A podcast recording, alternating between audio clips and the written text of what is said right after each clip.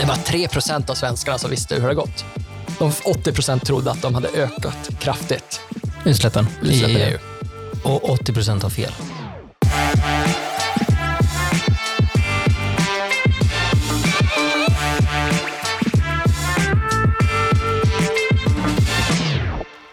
Du lyssnar på Ekonomerna med mig, John Norell. Och idag gästas jag av Jonas Grafström. Hur är läget? Ja, det är bra. Det är härligt. Eller, okej, egentligen ljuger jag, men det är...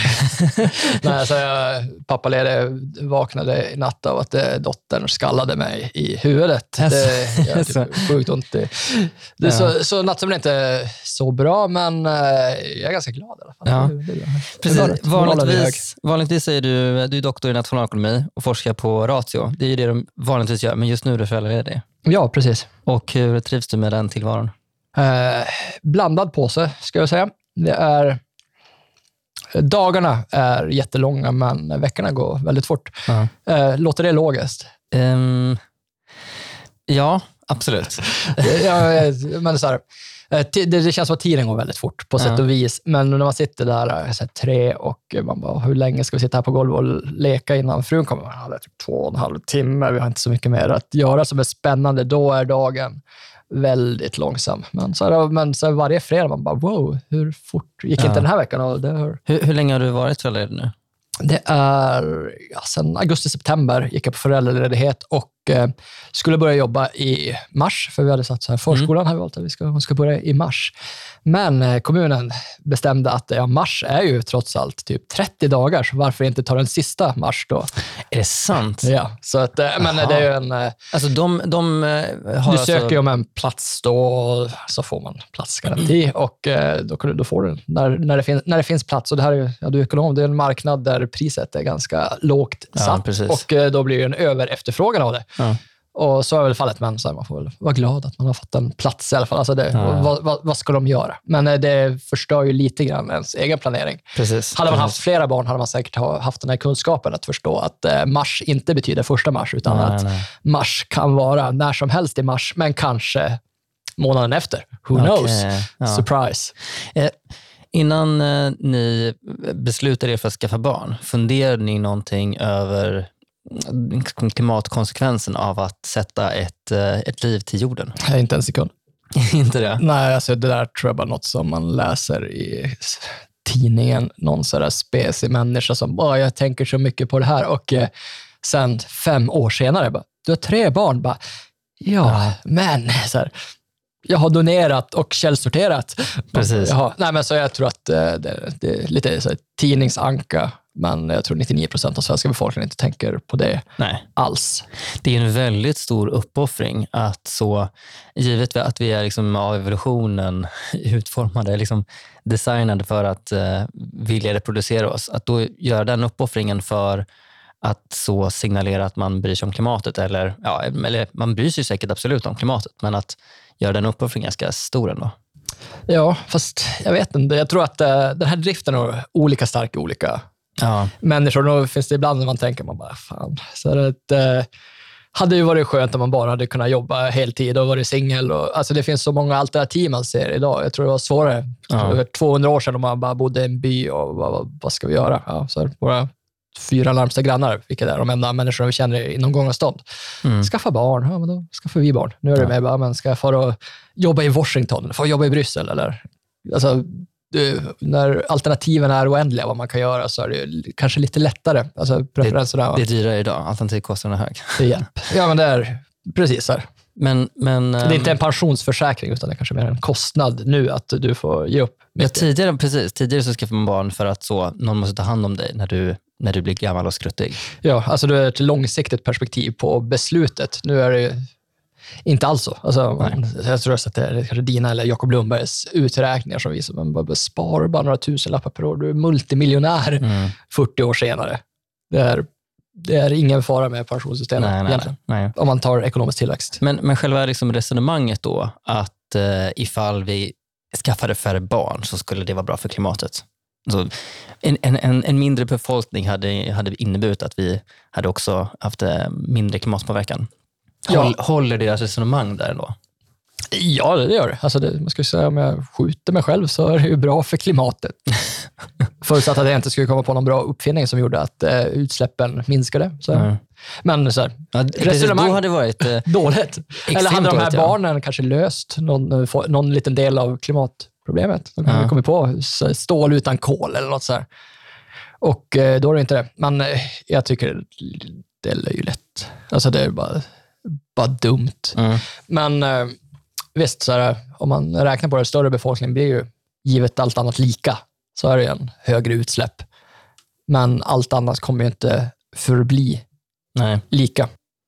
Men precis, och andra menar ju att vi måste minska vår produktion och konsumtion, som de pratar om degrowth. Alltså vi ska, vi ska ha lägre välstånd, med målet då att vi ska minska vår klimatpåverkan. Eh, hur, eh, hur rimligt är det resonemanget? Eller hur liksom, håller det ihop? Alltså det beror väldigt mycket på. Man skulle ju kunna säga, men varför behöver vi ut nya böcker till exempel? Så har inte, det ges inte ut ganska många böcker i fjol, det är flera tusen böcker.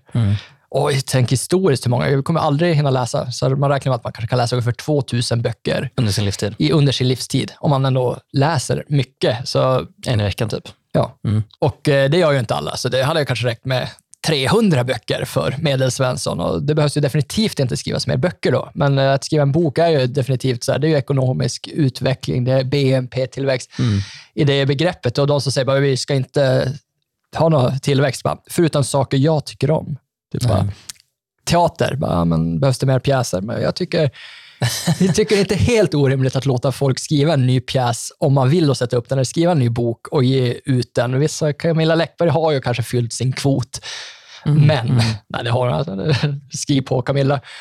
Men eh, nej, men om man, alltså folk missar att det är också en del av ekonomisk utveckling och tillväxt. Så här, Mm. Ett covid-vaccin, där, bara, men, där hade du kunnat degrowtha mycket om man bara, okej, någon har kommit på vaccinet, men nej, vi förstör det för att ja, det räddar liv. Eller Mm. om vi får bättre cancerbehandling eller mödravård. Ja, det är ekonomisk utveckling. Vad ska vi stoppa det också? Och då skulle jag säga att det finns eh, en hel del sätt att göra på det annorlunda. Jag tror bara att inte att eh, så här, det är inte en framkomlig väg. Mm. Och sen kanske så här, kaffelatte nummer 500 på ett år. Ja, kanske inte är det nödvändigaste, men å andra sidan, så här, folk är sällan karikatyrer som springer omkring och bara konsumerar på Ullared, utan de flesta är ganska normala och eh, om man ser till alltså det, vikten på det vi konsumerar, alltså inputsen går ner stadigt, utsläppen från det går ner stadigt, energin som används för att driva vår konsumtion, allting pekar bara neråt. Sen skulle det kunna peka neråt snabbare och i fler länder, men jag tror att fler länder kommer bli bättre. Mm. Och eh, det vi tar upp egentligen i rapporten som vi kommer prata lite grann om, är ju att visa att eh, folk har ingen aning om hur världen Nej. och länderna de bor i ser ut. Alltså det är så här planeten jorden, folk borde veta någonting om den, kan man ju tycka. och eh, med det menar jag att om jag skulle ställa en fråga, vilket Ellen Gustafsson, som tidigare var här på Timbro, har gjort om eh, de europeiska utsläppen, där vi skriver om, har jag skrivit om i rapporten, Mm. frågar dem, så här, medelsvenskan, tror ni att eh, de har gått upp, ner, så här, fyra eller fem med val, så, här, så hade du en Mm. apa I hela EU? Eller? i hela EU. Ja. Så då, så här, jag tror det var mellan minus 25 plus 25 och eh, det är bara 3 procent av svenskarna som visste hur det har gått. Det, det är 80 en mul- multiple choice eh, liksom, enkät. Liksom. Yes, så här, hade apor svarat på det så hade de haft 20 procent rätt. Hade svenskarna svarat Ja, på det så slumpen, tre. ja. Mm. Ja. De 80 procent trodde att de hade ökat kraftigt, Utsläppen, utsläppen i EU.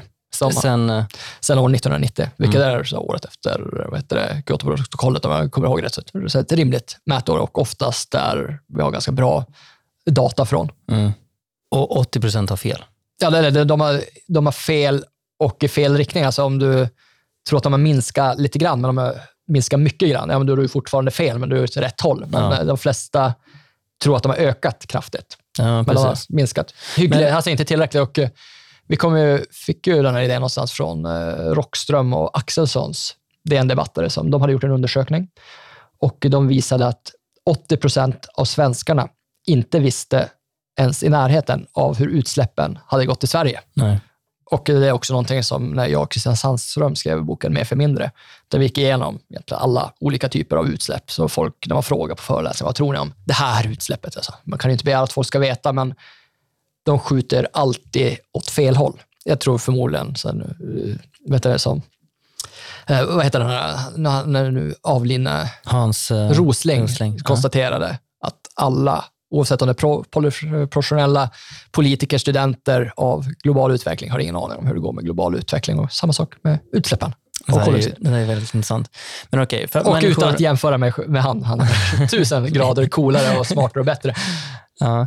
Men eh, okej, generellt människor har väldigt dålig koll på eh, hur klimatet, eh, som- hur, hur det har gått, liksom, hur utsläppen över tid I har, Europa och Sverige. Europa och Sverige har förändrats. Mm. Yes. Sen, så här, sen ska man ju ha med sig att eh, Globalt har de ökat. De ökar. Mm. Alltså de, och vissa år har de till och med ökat med ökande takt, så det är ju definitivt obra. Det går inte åt rätt håll Nej. alls. Nej. Och det, men eh, jag tror att eh, det problem jag ser är att när man har så helt fel bild av sin tillvaro och är livrädd, så att man ser ju som ungdomar som har klimatångest och Ja, kanske bara inte här tidningspåhitt överlag, men eh, om vi tar det som ett givet att det är så och man skulle kunna säga, men kolla här, så här ser det ut i verkligheten och du är rädd för en verklighet som inte finns på det sättet Nej. så kan man i alla fall göra något konstruktivt. För man ser ju att om, ut, om vi har kunnat kombinera tillväxt och utsläppen, alltså eh, vad är det nu, 85 procent BNP-tillväxt där sedan år 1990 i Sverige och en eh, 29 procentig koldioxidutsläppsminskning. Nej. Och så även en minskning om man tar det vi konsumerar från utlandet. Ja, men då är det ju någonting som vi gör rätt. Mm. Och kanske man ska faktiskt kolla på det man gör rätt. Vi, vi har liksom, det har gått i rätt riktning här i Sverige och i EU, men väldigt många människor är, ehm, har liksom inte följt med liksom, och har inte koll på hur det liksom har utvecklats. Nej, och det blir ett problem för du vill ju då alltså, politiska lösningar på någonting. Ja, På på någonting ett som du som inte finns. ja, eller där du har helt fel. Alltså, Ja. då blir det, och om politiken ska svara upp mot det så händer, kommer det ju hända olyckor tror jag. Alltså, Mm. Du vill ju gärna bo, ha ett, investera i företag som är så enkla att styra att en idiot kommer kunna styra dem eftersom Mm. det kommer någon gång styras av en idiot. Samma sak i ett land, så här, politiken ska ju också vara Men nu måste vi nog Ja, gå in på vi- vi går in på den. Kör på, Eh, förlåt. Hur det faktiskt eh, ser ut. då. För det, det är en rapport du har skrivit för Timbro som heter Klimatet vinner på tillväxt, Ja. som släpptes eh, i slutet av 2022. Yes, och man kan väl tycka att rubriken är lite clickbait, men det får det, får det väl vara. Det är inte jag som har satt den. Oj, du, har re, du börjar redan backa från titeln. Nej, det jag tycker det är en kul tid. Alltså det är ju, man- om man ska göra en akademisk titel så har man ju behövt så här, klimatet Ah, ja. vinner på tillväxt under förutsättningarna här och i de här länderna under den här perioden och det kommer göra det förmodligen i de här länderna som också kommer att ta till sig av den här teknologin. Och Intressant. där har journalisten dött av uttråkning. Eh, Jag förstår. Jag förstår. Men, Men, men, eh, vi ska så- gå in på de där förutsättningarna och eh, vilka restriktioner du vill sätta på den här titeln. Då. Men Ja. om vi börjar bara med så den, eh, den stora frågan. Hur har det, liksom, hur, är- hur har det förändrats över tid? BNP-tillväxten och eh, koldioxidutsläppen i, eh, i, i EU. Um, ska se om jag kommer ihåg siffrorna ur huvudet. Så koldioxidutsläppen under mätperioden är ungefär ner 25 procent Mm. och eh, BNP är upp ungefär 60 procent. Du får rätta mig om jag har fel. Och eh, om det, det var bra anledning att läsa rapporten om inte annat. Så det har gått eh, sämre än i Sverige. I Sverige var BNP-tillväxten 85 procent och eh, utsläppsminskningen 29, så det, har gått lite bättre Mm. i Sverige. Sen finns det länder i Europa där det inte har så här, gått åt rätt håll. Så BNP upp absolut överallt. Mm. Men, eh, och så har vissa lite mätartefakter, om man tar så här, Bosnien och Hercegovina hade tror jag, 300, 360 procent BNP-tillväxt under perioden. Oj. Men då är mätperioden från 90. kriget. Ja, så det är, Okej, ja, man fattar det. Mm. så här, det, är, det, det är sådana saker och vissa länder fanns ju inte heller under perioden. Precis. Vilka länder som sticker ut liksom, att vara extra bra i EU? Eh, Det är de som, när Sovjet föll, Mm. de som bröt sig lös från det, till exempel Estland, Lettland, Litauen, där är BNP-tillväxten på mer än 150 procent, nästan 60 70 procent koldioxidminskning. Det är jätteimponerande. Det är jätteimponerande, men Ja. det säger också lite grann om den så planekonomiska processen, hur man tillverkar. Alltså Ja. när man kommer bort från sånt så... När du, Socialism när du ska, är dålig för tillväxten, eller för Ja, men de eh, klimatet. resursmaximerar ju. De använder inte resurserna på något bra sätt. Nej. Så det var inbyggt i deras ekonomiska system. Och eh, de brydde sig inte om miljön heller, för det skulle produceras. Mm. Men eh, för nu pratar vi om från 1990 och typ till idag, eller till nitt- 2019. Ja. innan, innan corona. Liksom. Varför är... Precis. Det var varför det är året som... Ja. det var egentligen eh, när jag började skriva rapporten, det var ganska länge sedan. Ja, okej. Så Mm. den, den har tror jag, legat i Timrås bokhylla ett tag. Jag var pappaledig i sju månader också. Varför och, just eh, 1990 då? Eh, 1990, året 89, så skrev man på Kyoto-protokollet och började kanske processen. Man har ju talat om det här ett tag innan. Så Mm. det är ganska rimligt. I svenska officiella statistiken på SCB så är de flesta tidsserier börjar 1990. Mm. Alltså överlag. Så är det lätt att få tag på data från 1990, svårare att få tag på data före. Ja. Så om man ska göra 20, eller 20, 30, 40 stycken grafer så vill man inte ta olika tidsserier Nej, gärna. nej, nej. Alltså Mm. är för att illustrera en poäng. Och slutsatserna är inte avhängiga på att man väljer just de här årtalen. Liksom. Nej, det är, spelar inte någon Nej. större. Alltså det är, eh, om jag kommer ihåg rätt, så har koldioxidutsläppen tror jag peakade på 70-talet i Sverige, så du hade ju kunnat ha en längre nedgångsperiod också, Mm. om man hade velat det. Och då hade du fått en ännu större BNP-tillväxt. Det är ju eh, precis ända sedan 70-talet. Ja. Ja. Och då har jag inte koll på hur konsumtionsbaserade utsläppen i utlandet från 70 till 90 ser ut, så det där kan det vara en förflyttning. Who knows? Men, Ja, precis. För man kan då, en invändning kan ju då vara att jo, jo visst, vi har minskat våra, våra utsläpp kopplade till produktion här i Sverige. Men vi har ju bara så flyttat den eh, någon annanstans. Så vi importerar istället varor från till exempel Kina. då. ja, och eh, det säger det är typ det de drar direkt och då brukar jag fråga men hur mycket tror du vi importerar från Kina? Mm. Är det mer eller mindre från Danmark? Då ser de ut som att det skulle vara ett UFO. Men eh, när man kollar på SCB så är värdet av importen från Kina det är ungefär 5% av Sveriges import. Så det är mindre än Danmark. Det är ganska lite. Mm. Det, det är ganska lite. Det är, så I importvärdet så är det 80 är från Europa. Mm. Och samma Europa som har minskat sina utsläpp Just ganska det. mycket över tid. Och om eh, de vi importerar från tar ner utsläppen med 25 Mm. Jag ska till exempel Storbritannien har till och med 35 och där ganska stor, importerar mycket från dem. Mm. Ja, men det är klart att då är importdelen går, rör sig neråt då också. Så vi har 10% från Nord och Sydamerika, 10% från Asien, från övriga Asien, Afrika och de andra. Mm. Så Kina är inte jättestor och om man ser långsiktigt, alltså över hela den här tidsperioden speciellt, så är det inte, har inte Kina varit en ekonomi att räkna med sen alltså, Mm. sent 90-tal. Men eh, om man tänker så här då, att visst, um, den direkta importen från Kina kanske inte är så stor, men um, även alltså, med dagens komplexa produktionskedjor, visst det kanske står att den här osthyveln som jag köper kommer från Nederländerna, men den har bara satts ihop där, medan stålet kommer från Kina kanske och plast, eh, oljan till plasten kanske kommer från Mellanöstern. Um, är, är det verkligen så lätt att, att bara liksom räkna på de kons- konsumtionsbaserade Gud, nej, jag är så imponerad av att någon kan göra en uträkning som är ens i närheten. Ja. Men hur, om vi nu Men nej, det- det inkluderar, ja, men om vi inkluderar ehm, den konsumtionsbaserade ehm, utsläppen. Så har fortfarande våra så har det fortfarande rört sig neråt. Inte lika mycket, men så det rör sig neråt oavsett om det är Naturvårdsverkets siffror som inte är så långa och bra tidsserier eller om det är Mm. till exempel Our World in Data som har samlat in siffror. Så är de konsumtionsbaserade utsläppen neråt. Till och med i USA har de rört sig neråt över den här tidsperioden.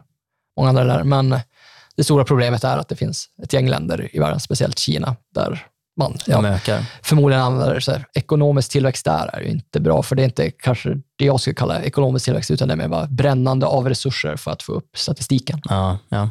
Om man tar typ ja, de här 65 miljoner lägenheterna som står tomma i Kina för att man bara byggt för att you know, har order om att ha en viss BNP-tillväxt. Ja. Och det är klart, alltså, det är inte ett jätteproblem att ha en 10% BNP-tillväxt i ett land flera år i rad. Det skulle Sverige kunna ha utan problem, tror jag Mm. om vi skulle säga, men så här, Santesson bara, låna, låna pengar och bygg. Och så säger jag till kommunalråden, bara, ja, nu ska ni ja, dubbla antalet bostäder inom tio år och om ni inte gör det så finns det ett fångläger i Tibet som vi har leasat av Kina. Ja. Alltså, då, då, Då, då du kommer det byggas. Det kommer byggas Ja. och om det är, ja, det är ju de- deras ekonomiska system, så de, då kan de göra det. Men nu rasar det samman också. Mm, mm. Men ehm, en grej som, när man då ska ehm, addera liksom konsumtionsbaserade utsläppen i Sverige eh, till de här territoriella utsläppen, och sen så, då ska man också subtrahera dem som produktion, eh, utsläpp kopplat till produktion här i Sverige som vi sedan exporterar. Men man kan ju tänka sig att, att när vi producerar stål så kanske det är mycket, mycket mer alltså väldigt mycket mer miljövänligt och eh, mer effektivt än sam motsvarande produktion i ett annat land. Eh, om man då bara tittar på, alltså, om man tittar då på, om man då räknar bort det, då, kanske man, då får man inte med liksom ifall vi blir mer effektiva. Alltså alternativet till att producera stål här i Sverige är att den produceras kanske ja, någon annanstans där de inte är så, liksom, det skulle släppas ut väldigt mycket mer. Hur räknar man liksom med den här Förstår du att det finns den här skillnaden då? Liksom, jo, jag förstår. Jag har sett ja. Alexander i Lund har räknat på det här och gjort gett ut en rapport. Så också Svenskt Näringsliv har haft en del och mm. visat att vi har, här, klimatnyttan Sverige gör är ju väldigt stor. Mm. till vår, alltså den bidrar väldigt mycket om man ska jämföra med andra, men inte, det är inte mitt eh, fält Nej. riktigt. Men, men ändå, det, det talar ju för att eh, det vore faktiskt bra ifall vi kanske tog över mer industri här i Sverige som eh, skulle innebära att, att eh, ja, det lades ner mer produktionsanläggningar i, i länder där, där man inte där man släpper ut väldigt mycket mer. Jo, definitivt. När man har ren energi, det är som energin in. Det är det som avgör när man producerar något, vad som kommer ut och mm. våran är väldigt ren. Så det är klart att det vore väldigt mycket bättre mm. om den kom hit. Och det är väl något vi ser också till stor del. Alltså, Dels så håller EU på med mycket policy för det. Jag tror det blir klimattullar. Inte det värsta, tror jag faktiskt. Nej. Du är för? Eh, det beror på hur man ser det. Det, är så här, det vore ju bra om det fanns ett pris i hela världen. Och bla, alltså, Problemet kanske alltså, Som nationalekonom kan jag säga, ja, det vore bra om man skulle sätta ett pris på allt överallt, men eh, om någonting inte kommer ske, typ som att jag kommer komma i form till ett maraton, det kommer inte ske. Så här. Mm. Sett hur mycket jag vill och hur bra jag vet att det är, så då får man väl ta det som är näst bäst och kanske skippa den sista semlan. Okej, okay, så problemet kanske handlar om, inte idén i teorin, men om hur det kommer kunna ske i praktiken? Ja. ja. Låt oss gå lite djupare. Um, de här koldioxideffektiviseringar, eller liksom att vi har minskat våra utsläpp, var kommer de ifrån? Vad, liksom, vad är det för sektorer som, där vi tidigare släppte ut, men där vi inte längre gör det? Det är egentligen allihopa, skulle jag säga. Att där, om man tar exempel, så här, bilindustrin är ett bra exempel. Mm. Där har vi sedan år 1990 när vi kollade så har vi fått 1,2 miljoner fler bilar på vägarna och utsläppen hade ändå gått ner med 21 procent, vilket är ganska imponerande, men det är också att ja, eh, hur mycket en bil släpper ut har ju minskat. Alltså de har ju halverat, sen på 15 år har man halverat hur mycket bränsle den behöver för att ta sig en kilometer. Ja. Och eh, vi har sett sedan år, 20, ja, år 2002 så har utsläppen per kilometer i den svenska fordonsflottan minskat med 50 procent. Och det är inte ens i närheten av hur mycket den minskar i Norge, där typ 75 procent ner. För att de har gått över till e-bilar? Eller? Precis. Ja. Alltså, dels så bensinbilarna är mycket, mycket effektivare. Du kommer mycket längre på dem. Mm. Idag än för 20 år sedan? För, ja, mm. precis. Så förbränningsmotorn är mer effektiv och säkert mer... Du har säkert räknat med någon dator så du får ner luftmotståndet lite grann och börjar fundera på det här. Mm. Ja, men så när bensinpriserna går upp så blir betalningsviljan för någonting som drar mindre bensin högre. Mm. Så det är en naturlig marknadsmekanism någonstans. Och eh, sen blir det också nu när vi börjar fasa ut bensinbilar ur fordonsflottan. Sen, eh, svenska fordonsflottan håller sig ganska länge. Så det är ungefär 15-17 år ungefär överlever en bil. Mm, mm, Men 15, eh, efter det så börjar de försvinna. Det är om man tar bilar från 90-talet. Det är inte jättemånga sådana relativt sett som rullar på de svenska vägarna nej. jämfört med dem. De är inte kvar, nej. Ja, de har ju, ja, men, så här, 30, det är inte så många 30 år gamla Volvo 240 som är förstahandsvalet om Nej. Om man får välja. Så det, det, det, försvinner, så det blir en naturlig förnyring av de här effektivare bilarna. Men också att eh, elbilar och eh, laddhybrider har börjat ta sig in. Ja. Om man tar augusti 2021, då var det 47 procent ladd, ladd ja, eller el som såldes. Va? Året efter, 2022, då var man uppe i 55 procent. Så då har det tagit 8 procentenheter av marknaden. Wow. Jag skulle tippa på november då, 2022, kanske var 99 procent på el. Och, 99 eh, procent av de bilarna som såldes? Yes. Vad hände då med eh, bonus-malus för handlar för? Jag vet inte, berätta. Eh, man tog ju bort bonusdelen i bonus-malus ja. och ah. annonserade ja, ja, just det. Just så det. därför så, det var, många, det var ju en eller två dagars, så, eller kanske bara en dags de hade på sig då att köpa. Så Just det. då var det många reportage, så här, bilhandlare som sa att vi sålde mer på en dag än vad vi sålde på, hade sålt under resten av året. Ja. Så då kanske det blir ett litet fall nu några månader efter, men det betyder ju att eh, de har förmodligen sålt en hel års produktion på den här dagen. Ja. Bonus malus, vad är det? Eh, bonusmas, jättebra fråga. Eh, det var ett eh, halvhygglig ekonomisk policy så här, eh, som man ville för att förnya. Ja, det var en malus, det, så här, ja, skämmes, typ, ta mig fan, skulle man kunna säga, för de som köpte eh, bränslemonster, så det var en stor skatt på det. Och bonus var om du köpte de effektivaste, då fick du ett bidrag. Och nu tog man bort bidragsdelen, vilket jag tycker är bra som ekonom. Mm. För att det man sett med egentligen alla gånger så här man sätter ett bidrag på det, så kommer det hända något med producent och konsumentöverskottet. Och du som är ju så här nationalekonomilärare, du har säkert haft det här på A-kurser på tentor till dina studenter. Bara, vad, rita upp så här supply and demand efter att ett bidrag införs. Mm. Vad händer med producent och konsumentöverskottet? Och vad händer då?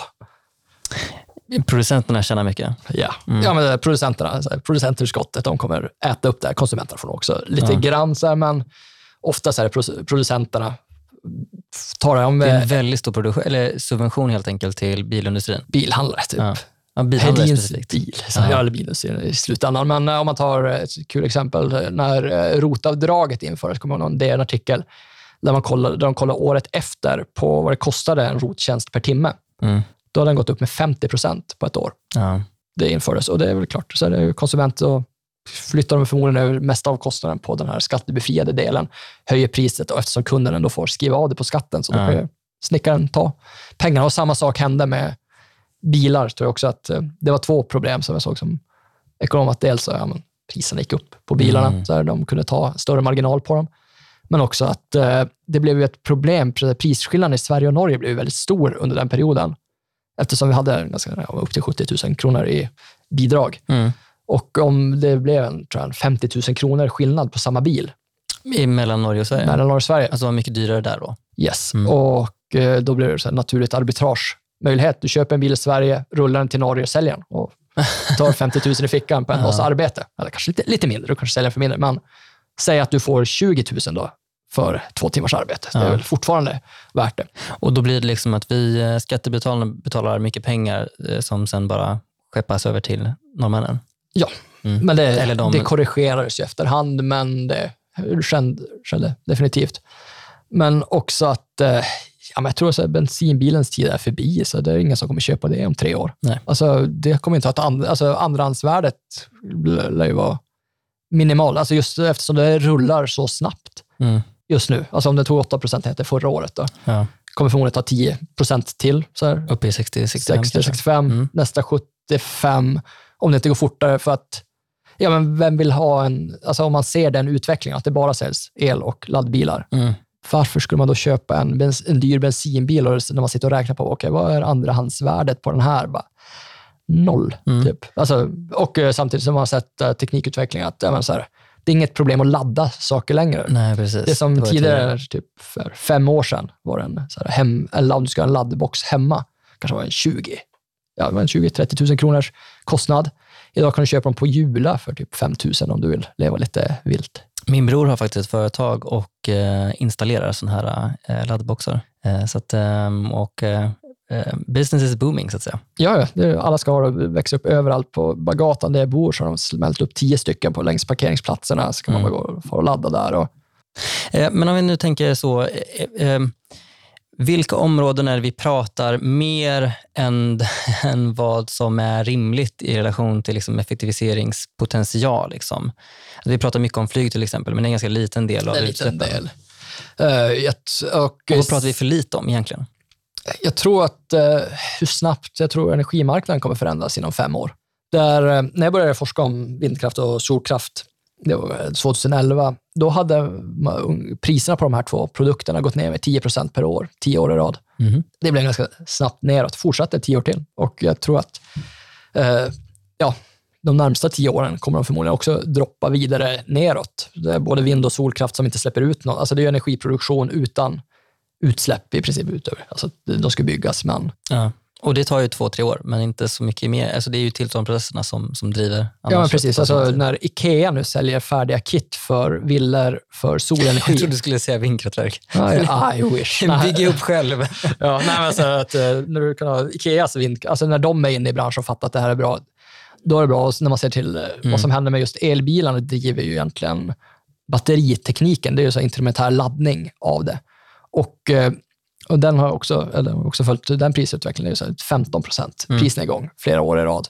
Går jättesnabbt och eh, så jag skulle kunna sätta pengar på att om tre till fem år så kommer det vara en standardgrej i villor att de har ett batteripaket som till exempel Tesla mm. säljer. De har, om du går in på Teslas hemsida kan du se att de har sina bilmodeller och battery pack och så ja. har de typ någon till produkt. Och eh, det är väl det, det de är bra på, det de kan tjäna pengar på. Att, eh, förmodligen kommer du ha ett IKEA solenergikit på huset som gör att du har nära noll energikostnader, kanske tar in lite grann från nätet då och då. Och ett batteripack eller två så du kan klara två dygn. Eller bara ladda upp dem och sälja ut i nätet när mm. det är dyrt. Ja. Så det finns ju alla ekonomiska incitament i världen. Ja, intressant. Vi, vi snackar mycket om klimatet, men eh, miljön är mycket större än bara klimatfrågan. Um, hur är sambandet mellan liksom BNP-tillväxt och uh, andra aspekter av liksom, miljö och ekosystem som luftföroreningar och liksom, gifter i bäckar och brunnar och sådär? Uh, generellt så brukar det vara när just från en låg utvecklingsnivå när land rör sig uppåt, så mm. brukar det, har det i alla fall historiskt varit ganska stora utsläpp och mycket miljöproblem. Så här, även i Sverige. Det finns väldigt mycket förgiftade områden och så kanske långt in mot 70-talet släppte ut väldigt mycket. Så typ när man går från jordbrukssamhälle till industrisamhälle? Ja, mm. så är det ofta att man gör det. Alltså, speciellt när så här, teknik och kunskap inte fanns ja, förrän nyligt. Men man ser det i många andra delar av världen. Där, och det, sen beror det också lite på så här, styre och det, alltså vad, vad det är för typ av styre. Så här, Kina där det är så här, extrem förgiftning av mm. miljön. Så om jag hade så räknat ärligt på Kinas BNP så har det säkert varit negativ flera år, även om man säger att det är 6 procent. Om du, om du förgiftar grundvattnet och bara suger upp det, mm. förgiftar alla åkermarker och att det bara är så här Mordor. Det är väl kanske inte egentligen ekonomisk tillväxt, alltså statistiskt Nej. sett ja, men i verkligheten, alltså om du någon gång, det är så Economist-artikel, de bara räknar på hur mycket du ska ta städa upp alla förgiftningar och floder och ja. marker. Det finns inte pengar på planeten ens att städa upp allting som de har skitat ner Nej. i sitt eget land. Men eh, ofta så, till exempel i Sverige, under tidsperioden vi kollar i rapporten, så har, tror jag var, ja, var det 24 av 26 utsläpp hade minskat och de flesta minst halverats och vissa uppemot så här, 90 till 97 procent sänkning av utsläppen. Så det blir som att varje år så har vi aldrig andats så bra luft. Mm. Så luftkvaliteten har blivit mycket, mycket bättre? Gud ja. Mm nu är liksom den, den brännande frågan är också, för du har pratat lite om att tillväxten då i Kina är Ja, det, det är inte sam, du kan, du kan liksom inte jämföra tillväxt med tillväxt. Liksom. Eh, vad, vad, är liksom, vad är det för mekanism som, som gör att tillväxt i Sverige liksom har lett till, eller liksom är frånkopplat eh, liksom utsläppen? Jag tror att kanske att vi bryr oss om det, att vi förbjuder det. det, det att vi kanske inser vad det gör och mm. bryr oss. Och eh, kanske de inte gör lika mycket mm. på samma sätt där. Och leder ekonomisk tillväxt till att vi har eh, mer möjlighet att kunna minska utsläppen? Ja, alltså ekonomisk tillväxt är ju teknikutveckling som gör att du inte behöver göra på samma dumma sätt som du gjorde tidigare. Att det kanske effektivare teknologi gör att du inte behöver använda lika mycket resurser och lika mycket energi. Men också ekonomisk tillväxt när du har ekonomi och mat för dagen, då kan man börja bry sig om annat. Mm. Som så mycket annat. Alltså när du har löst basbehoven så vill du leva bättre. Mm. Så det är väl en klassisk mekanism och jag tror att man ser det alltså när den medelklassen växer fram i fattiga länder. Börjar ställa krav på sin miljö och sådana saker. Så det, spe, det spelar roll. Mm. Och som företag så att bli bättre och mer resurseffektiv innebär att man eh, existerar, öka sin vinst eller eh, minska risken för att man går i konkurs. Ja, men alltså ett företag som inte blir mer effektiv över tid, de blir ju inte kvar. Alltså mm. det ju, om det är en konkurrensmarknad och eh, konkurrenten blir 2% effektivare, ja, om de sänker priset med 2 ja, men då kommer de få en större marknadsandel. Det är, sorry, det är om du bygger samma sak, men du behöver 100 kilo aluminium och den andra behöver 50. Mm. Så allt annat lika så är du ju konkurs efter ett tag. Mm. Det, du kan ju inte konkurrera om du inte försöker bli effektivare än konkurrenten. Det är det som är så jäkla bra med en tillväxtekonomi. Precis. Ja. En, eller en kapitalistisk ekonomi. Vi sitter här och har så Coca-Cola-burkar. Jag kommer ihåg när de bytte form för några år sedan. Ja, Ja. Stora protester, men eh, Var det det? nej, det tror jag inte. Det är nog ingen som bryr sig så mycket om dem. Men jag har hört att folk har, har åsikter om dem. Men eh, nu är de ju avlånga istället för eh, lite så knubbiga, skulle man kalla dem. Låga och lite tjocka. Ja. Mm. Och eh, det drog ju ner mängden aluminium per burk med ungefär 2-3 gram. Kanske inte låter så mycket, men det är fortfarande 10-15 procent. Mm. Alltså det är ju den botten och toppen, det är där det är tjockt. Det behöver vara stabilt och resten är lövtunt. Mm. Men om du producerar 10 miljarder sådana burkar per år så adderar det upp så mycket. Ja, det måste ju vara Mm. mer. Det är säkert Coca-Cola säkert 20 miljarder per år. Är två burkar, eller tre burkar per person på planeten. Kanske, vi kanske dricker ännu mer än det, men det är ju, ja, men kan de minska den här burken ytterligare ett gram? Det är ju brutala mängder pengar på sista raden. Mm. Så att, och, och alla andra företag tar efter och eh, i slutändan så kommer ju konsumenterna eh, att eh, vara någon som gör de stora vinsterna av den här tekniska utvecklingen. Ja. Mm. Men också att det kommer inte behövas eh, samma mängd energi för att producera det här. Mm. Så klimatet vinner helt Ja. enkelt. Mm. Ja, men det blir ju bättre. Men eh, om vi nu ska avsluta lite grann med så policyimplikationer och, och eh, liksom politik. Vad, vad är det man liksom ska ta med sig eh, till den politiska diskussionen utifrån eh, ja, de här liksom fakta om att eh, eh vi har haft enorm tillväxt samtidigt som vi har minskat utsläppen både i Sverige och i EU? Det är men så här att det finns goda exempel som man kan faktiskt följa och lära sig ifrån och när man har lärt sig kan man faktiskt lära andra som också kommer göra den här resan. Jag tror, ja, det finns några länder kvar i Europa där det kommer ske förändringar vi kan hjälpa till där, men det är många Mm. andra länder som kanske också ja, men kommer dra nytta av att vi har betalat kanske initiala priset för mycket av miljöteknologin som blir billigare för varje år. Och de kommer ju börja implementera den här också. Det kan gå snabbt, speciellt när priset, speciellt, ja, men så energin är ju, en, det är ju det enda egentligen viktiga i ekonomin. Mm. Det är ju det som driver alltihopa. Och när sol och vind är den billigaste faktorn. Så, här, så det finns eh, så här, det, sure, det finns en poäng med att här, stabil så här, kärnkraft eller vattenkraft. Så här, det, det är inget jag funderar så mycket över, men det, så det, det behövs. Mm. Men eh, så när andra börjar använda tekniken som blir billigare, så ja, då behöver man inte kolkraften Nej. längre. De flesta kolkraftverk, kolprojekten lägger ner nu. Så här, Jaså? förnybar energi är det som eh, byggs ut mest, om man kollar på IEA. Så Alltså kol, kolkraftverk i Europa eller? eh, ja, speciellt i Europa. Det, i där har det, det stängs det nu, utöver det Putin Ja, det. debaclet. Mm. Så, ja, men så här, var det en nyhet i till exempel Storbritannien för några år sedan, stängde sitt sista kolkraftverk, och, Mm. vilket Ja. gör att så här, importen från Storbritannien blir mycket renare. Men det är, ja, men så här, det är ingen som vill driva ett kolkraftverk om det är dyrare. Alltså det varför göra det om du säljer dyrare energi? Mm. Mm. Så det är väl där någonstans vi lär oss. Och att, eh, ja, allt, allt alltså det vad vi säger med rapporten. Eller vad ska väl man- alltså, vad ska var, man var sig inte som- rädd och typ, ligg inte och ha klimatpanik. Nej. Så här, bli ingenjör. Det är väl ett större, så här, start, påbörja ingenjörslinjen och kom på något som sänker utsläppen med 0,01 procent på planeten så har du gjort ett ganska bra Mm. livsverk. Så um, som, som väljare då så kan man ta med sig att det, det går åt rätt håll. Eh, ja, så i Sverige, Europa, USA, absolut. I världen, inte än. Så är det. Och det är väl frågan om det kommer gå. Det är väl där jag är kanske mest tveksam till att, eller så är jag inte tveksam till att vi kan få ner till nollutsläpp och sen negativa utsläpp. Det går. Men jag tror att det kan ta på tok för lång tid. Ja. Vi kommer inte vara klara innan 2050. Eh, nej, Nej. det tror jag inte alls. Så jag tror inte vi klarar en och en halv graders målet eller två graders målet. Nej. Men eh, vi, kan ju, eller, alltså, vi kommer ju nå målet, men vi kommer inte nå det i, I tid, tid. ja. Och Det är ju ett problem. Så om man springer ett maraton och klarar det, men alla har packat ihop och gått hem, då Och får man ingen medalj. Och kärnan där är då ehm, liksom, eh, teknik för negativa utsläpp, alltså eh, koldioxidinfångning. Ja.